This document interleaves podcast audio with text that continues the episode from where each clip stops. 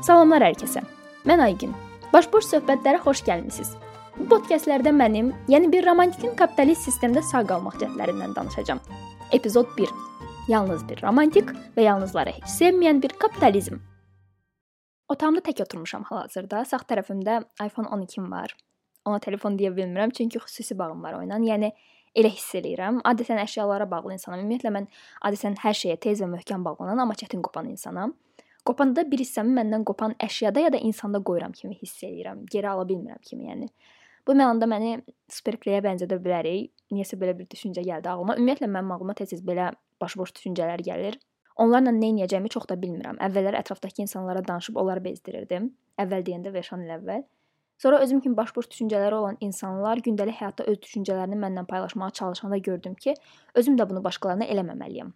Dəhşət verici olur çünki o insanı sevirsən deyə istəmirsən xətrinə dəyəsən, amma o düşüncələrini eşidəndə xətrinə dəysən bəlkə daha yaxşı olar kimi fikirlər keçir beynindən, beynindən belə fikirlər keçir deyə özünü qınamağa başlayırsan. Bütün bunları yaşayandan sonra anladım ki, yanımdakı insanlar məni dinləməyi özü istəmədikcə onlara bunu eləməməliyəm. Qərar verdim ki, öz-özümə danışım. Beləliklə Instagramda başıboş düşüncələr adlı video seriyası başlatdım və orada öz-özümə danışdım. Qəribə bir şəkildə çox sevildi, çox izləndi. Başa düşdüm ki, mənim o başıboş düşüncələrim oxşar düşüncələri olan insanlara maraqlıdır, çünki o videolarda daha az yanlış hiss elədiklərini deyirdilər mənə. Videolarıma ən çox yazılan mesaj verək, elə bil bunları mən danışıram cümləsidir. Bunu mənim hər videomun altında ən az bir dəfə görə bilərsiniz. Normal olaraq bu cür rəylər alan insana qəşəng bir özgüvən gəlir. Mənə də gəldi, amma sonra tez getdi. Çünki adətən özüm haqqında yaranan yaxşı fikirlər pislər kimi qalıcı olmur, ən azından məndə. O hiss keçəndən sonra bu rəylərin həyatımda pozitiv təsirlərini görməyə başladım. Çünki artıq mən də özümü yalnız hiss eləmirdim. Artıq deyirəm, çünki sizi bilmirəm, mən yalnız hiss edirəm adətən. Hətta bu yalnızlıq bir müddət olmayanda onun üçün darıxacaq qədər bağlanmışam ona səndimə. Burdan belə nəticəyə gələ bilərik ki, mən təkcə əşyalara, insanlara yox, həm də hisslərə bağlana bilirəm əla keyfiyyət, hamının axtardığı. Yəni təbii ki, kinayə ilə deyirəm bunu. İnsan olmağa ən yorucu hala gətirən hissdir məncə bağlanmaq. Nəysə, var olan milyon şeyə bağlanmağım azmış kimi indi də yalnızlığa bağlanmışdım. Nə qədər o videoları paylaşdıqca daha az yalnızlıq hiss eləsəm də özümü yalnızlığım üçün darıxmış halda tapırdım. Yəni ona görə adətən çox video paylaşa bilmirəm mən. Sadəcə sizlə açıq danışacağam. Mən 25 yaşımda tam işsət işimdən borcla ayrılmışdım. O videolar çəkməyə başlayanda pul qazanmalı idim. Özümə söz vermişdim ki, ya bir ay içində ürəyim istədiyim işi görüb ondan pul qazanacağam, ya da qazanmayacağam və ürəyim istəmədiyim işlərdə məcbur işləməli olacağam. Biraz zəhmətim, biraz da şansım sayəsində alındı. Çox olmasa da o vaxt tam işimdən qazandığımın 2 qatı qədər çox qazandım həmin ay və bu işi daha ciddi davam elətdirmək qərarına gəldim. Sadəcə dediyim kimi, o məni özünə doğru çəkən yalnızlıq sevə-sevə də görsəm işimə mane olurdu. Yəni məndən olsa o yalnızlığın içində qalaram saatlarla, yəni günlərlə. Çünki mənim yalnızlığım çox rənglidir özümə görə, yəni əyləncəlidir, romantikdir. Ən əsası yəni romantikdir. Mən əslində yalnızlığı heç sevmirəm. Sadəcə anlayıram ki, məni başa düşməyən insanlarla keçinməyi öyrənməkdənsə yalnızlığa bağlanmağı seçmişəm. Yəni bu mənim seçimimdir. Əslində mən yalnızlığı yox, romantizmi sevirəm. Sadəcə o romantizmi ən təmiz formada yalnız qalan vaxt yaşaya bilirəm. Ümid edirəm özümü düzgün izah edə bildim. Yəni hələ ki ancaq o yalnızlığın içində çox geniş, fərqli, gözəl duyğular yaşaya bilirəm. Hələ ki deməyimdən də başa düşərsiniz ki, hələ də ümidim var. Bir gün bu romantizmimi anlayan ağatlı şahzadə, sonra mənim romantik düşüncələrimə inanan yaxın çevrə, hətta bəlkə həddimi aşacağam, amma yüz minlərlə insanla yollarımı kəsişə biləcəyimə çox inanıram.